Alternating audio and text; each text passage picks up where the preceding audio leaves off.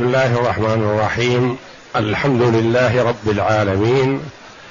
والصلاة والسلام على نبينا محمد وعلى آله وصحبه أجمعين. وبعد. بسم الله. أعوذ بالله من الشيطان الرجيم. بسم الله الرحمن الرحيم. مثل الذين ينفقون أموالهم في سبيل الله كمثل حبة أنبتت سبع سنابل في كل سنبلة مائه حبة. والله يضاعف لمن يشاء والله واسع عليم. هذه الآية الكريمة من سورة البقرة. جاءت بعد قول الله جل وعلا وإذ قال إبراهيم رب اجعل هذا وإذ قال إبراهيم رب أرني كيف تحيي الموتى قال أولم تؤمن؟ قال بلى ولكن ليطمئن قلبي. الآية. يقول الله جل وعلا مثل الذين ينفقون أموالهم في سبيل الله كمثل حبة أنبتت سبع سنابل في كل سنبلة مائه حبة. والله يضاعف لمن يشاء والله واسع عليم. يمثل جل وعلا لعباده فضل الإنفاق في سبيل الله وأن النفقة في سبيل الله مضاعفة وأن المضا وأن المضاعفة هذه على أعلى المستويات. وأن المضاعفة عظيمة وأن الله جل وعلا يعطي العطاء الجزيل. وقد قال جل وعلا في آية أخرى من جاء بالحسنة فله عشر أمثالها. الحسنة مضاعفة بعشر أمثالها. والإنفاق في سبيل الله مضاعف الحسنة بسبعمائة ضعف. سبعمائة ضعف.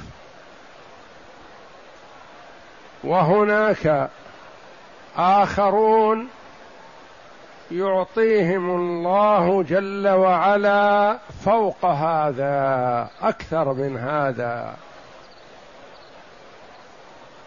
قد يقول قائل ما هذا التفاوت؟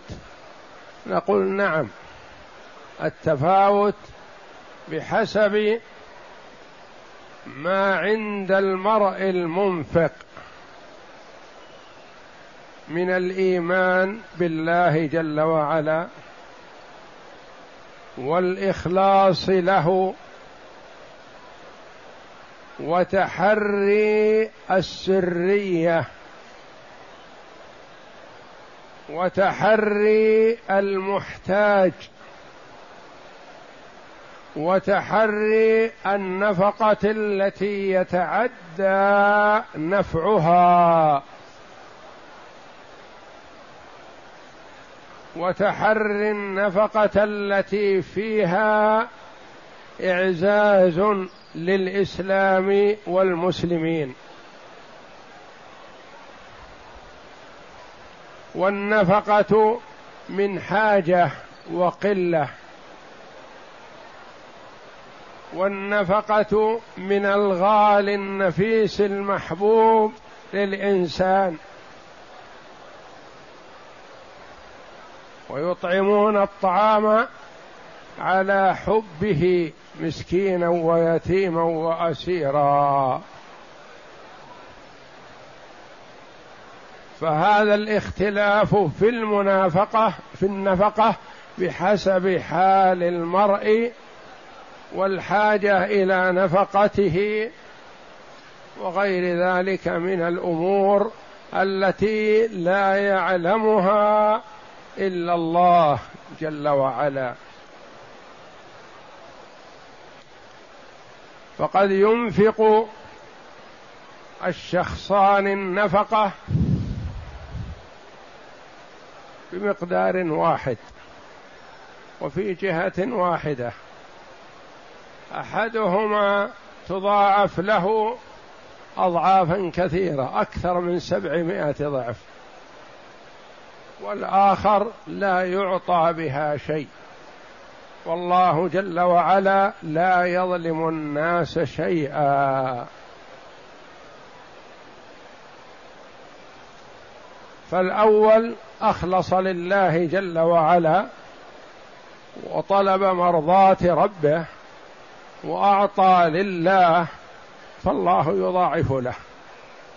والآخر أعطى رياء وسمعة ليذكر وليمدح وليثنى عليه وليوصف بأوصاف بأنه جواد وأنه معطي وأنه محسن وأنه وأنه يكون قصد هذا الشيء من الدنيا فهذا ثوابه. ولا ثواب له عند الله جل وعلا في الدار الآخرة لأنه ما قصد وجه الله. فهذا التفاوت العظيم بحسب حال المرء من الإخ في الإخلاص من عدمه. مثل الذين ينفقون أموالهم في سبيل الله. في سبيل الله. قال بعض المفسرين في مرضاه الله. فيما يحبه الله. فيما أمر الله جل وعلا بالإنفاق فيه. على الفقراء والمساكين وغيرهم ممن أمر الله جل وعلا بالإنفاق عليهم؟ آخرون قصروا الإنفاق في سبيل الله على الإنفاق في الجهاد لإعلاء كلمة الله. سواء كان أنفق هذا على نفسه وخرج مجاهدا في سبيل الله أو أنفق هذا على المجاهدين في سبيل الله لإعلاء كلمة الله والذب عن دين الله وحماية المسلمين من شرور أعدائهم وقعد في داره. فبعض العلماء قال الإنفاق في سبيل الله الإنفاق في وجوه البر. هذا كله في سبيل الله. آخرون حصروا الإنفاق في سبيل الله لإعلاء كلمة الله. قالوا لأن الوارد في أصناف الزكاة سبعة كلها في مرضاه الله جل وعلا. وخصص منها في سبيل الله الذي هو الجهاد. فكذا في الآيات الأخر إذا قيل في سبيل الله يعني في الجهاد لإعلاء كلمة الله. وقد سئل النبي صلى الله عليه وسلم عمن يقتل ظاهره في سبيل الله لكن له هدف آخر. سئل صلى الله عليه وسلم عن الرجل يقاتل حمية ويقاتل شجاعة ويقاتل رياء. أي ذلك في سبيل الله؟ قال رسول الله صلى الله عليه وسلم من قاتل لتكون كلمة الله هي العليا فهو في سبيل الله وما لا فلا.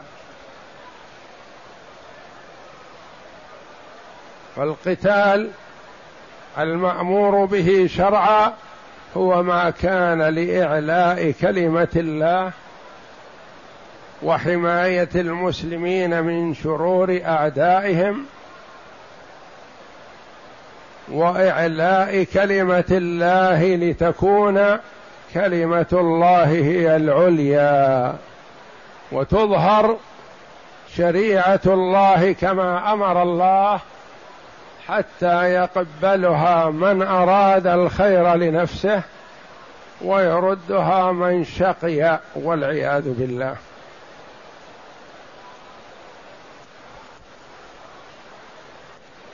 ينفقون أموالهم في سبيل الله كمثل حبة حبة من البر أو الشعير أو الذرة أو الدخن أو أي نوع من أنواع الحبوب.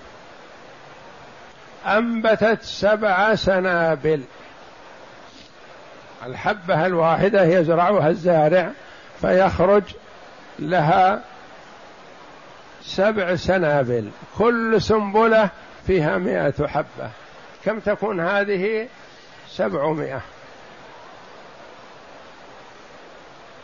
فالله جل وعلا يقرب لعباده مضاعفة الثواب بشيء يدركونه في الدنيا.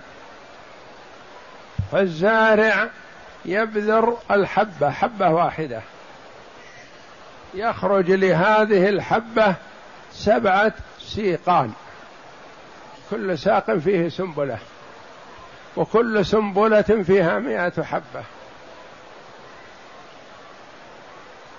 وقد تزيد عن سبعة وقد تزيد السنبلة عن مئة فتضاعف أكثر. فهذا شيء محسوس في الدنيا وعطاء الله جل وعلا أعظم وأجزل. أنبتت سبع سنابل في كل سنبلة مئة حبة. ثم قال جل وعلا والله يضاعف لمن يشاء لا لكل أحد. والله يضاعف لمن يشاء يعني يعطي أكثر من هذا. إلى سبعمائة ضعف إلى أضعاف كثيرة. ثم ناسب ختم الآية الكريمة بقوله جل وعلا والله واسع عليم. واسع يناسب كثرة العطاء. فهو يعطي العطاء الجزيل لأنه واسع. واجد ماجد لا يعجزه شيء. عليم حتى لا يكون فيه تخبط. قد يعطى من لا يستحق العطاء وقد يحرم من يستحق العطاء. فالناس في الدنيا أحيانا يقدم ويكرم من لا يستحق التكريم. وأحيانا يهان ويبعد من يستحق التقديم. وأحيانا لا يقبل الإخلاص من المخلص.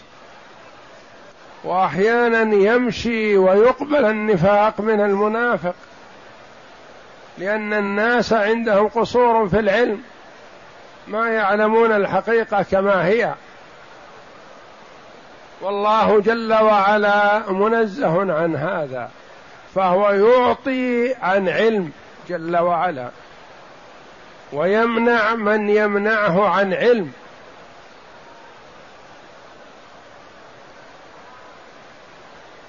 فناسب ختم الآية الكريمة بقوله تعالى والله واسع عليم. يعني قد يقول قائل هذا العطاء كثير. فيقال له الله واسع. وقد يقول قائل قد يعطى من لا يستحق لأنه يستطيع أن يعبر تعبير حسن يرضي من يثيبه. وقد يمنع من يستحق لأنه ضعيف الحجة والبيان. فقيل له الله عليم بمن يستحق العطاء ومن لا يستحق. وقد يكون العطاء أكثر أكثر بكثير. كما جاء في الحديث أن النبي صلى الله عليه وسلم قال إذا تصدق المرء من كسب طيب ولا يقبل الله جل وعلا إلا الطيب. تقبلها ربي بيمينه. وكلتا يدي ربي يمين مباركة. فيربيها كما قال عليه الصلاة والسلام لأحدكم كما يربي فلوة حتى تكون كالجبل. والتمرة الواحدة تضاعف حتى تكون كالجبل. فقارن التمرة بالجبل كم مضاعفة؟ لا سبعمائة ولا سبعة آلاف ولا سبعة ملايين ولا أكثر من هذا. كم يزن الجبل؟ التمرة من مرة.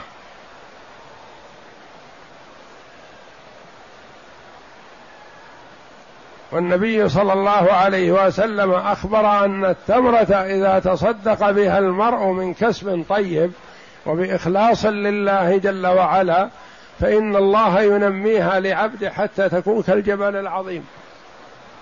وتوزن في ميزان أعماله كالجبل العظيم وهي تمرة واحدة. والله يضاعف لمن يشاء. وهذا بحسب حال المرء من الإخلاص وكون الكسب مثلا حلال وطيب وكونه تحرى الحاجة وغير ذلك من المبررات التي تجعل صدقته مضاعفة مئات المرات.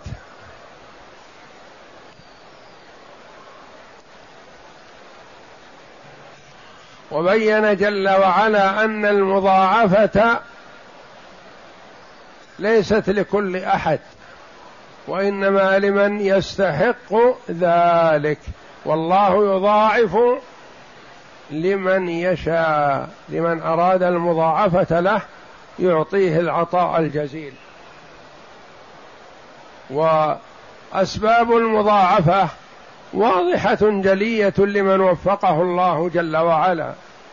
وقد بين النبي صلى الله عليه وسلم أن من السبعة الذين يظلهم الله في ظله يوم القيامة رجل تصدق بصدقة فأخفاها حتى لا تعلم شماله ما تنفق يمينه.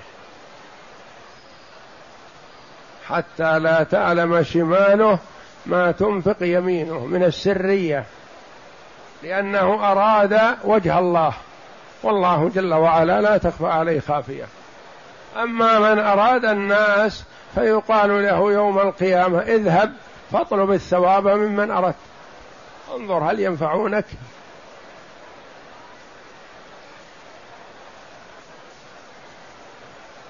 والله جل وعلا كما جاء في الحديث القدسي يقول أنا أغنى الشركاء عن الشرك. من عمل عملا أشرك معي فيه غيري تركته وشركه. لأن المرء إذا أعطى يريد المدح أو الثناء أو الأوصاف والألقاب ونحو ذلك فهو ليس لله. فالله جل وعلا يقول له يوم القيامة اذهب فاطلب الثواب ممن أردت. ما أردت وجه الله فما لك شيء عند الله. والله جل وعلا لا يظلم الناس شيئا. وفي هذه الآية الكريمة حث على الإنفاق في سبيل الله وتكررت الآيات في الحث على ذلك. وحث على الإخلاص لوجه الله تعالى.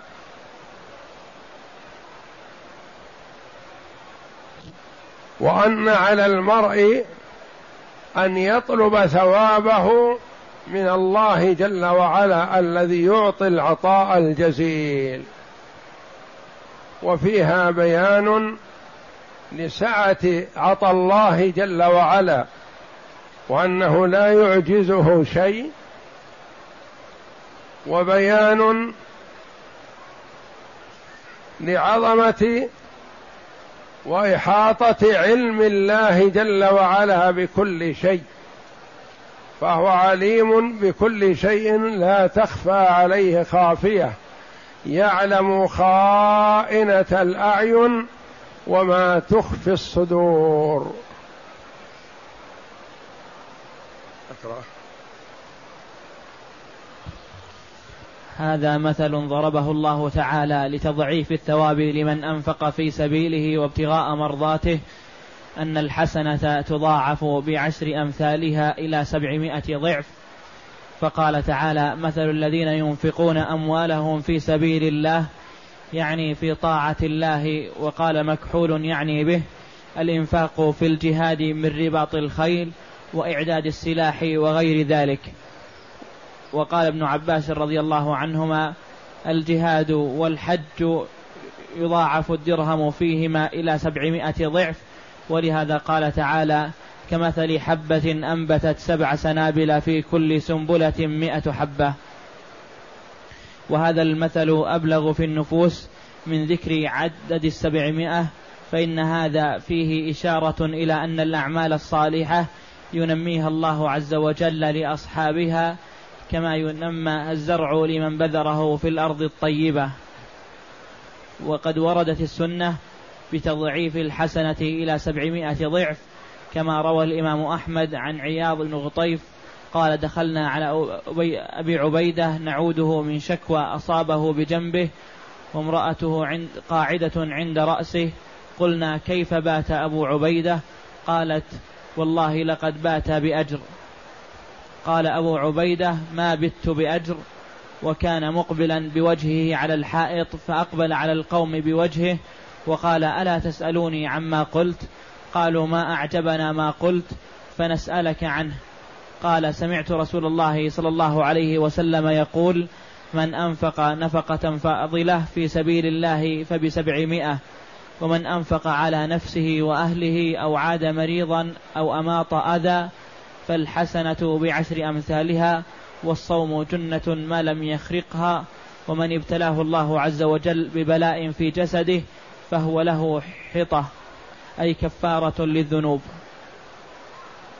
وعن ابن مسعود رضي الله عنه أن رجلا تصدق بناقة مخطومة في سبيل الله فقال رسول الله صلى الله عليه وسلم لتأتين, لتأتين يوم القيامة بسبعمائة ناقة مخطومة.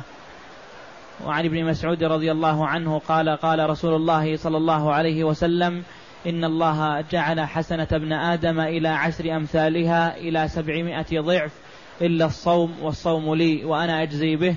وللصائم فرحتان فرحة عند فطره وفرحة يوم القيامة.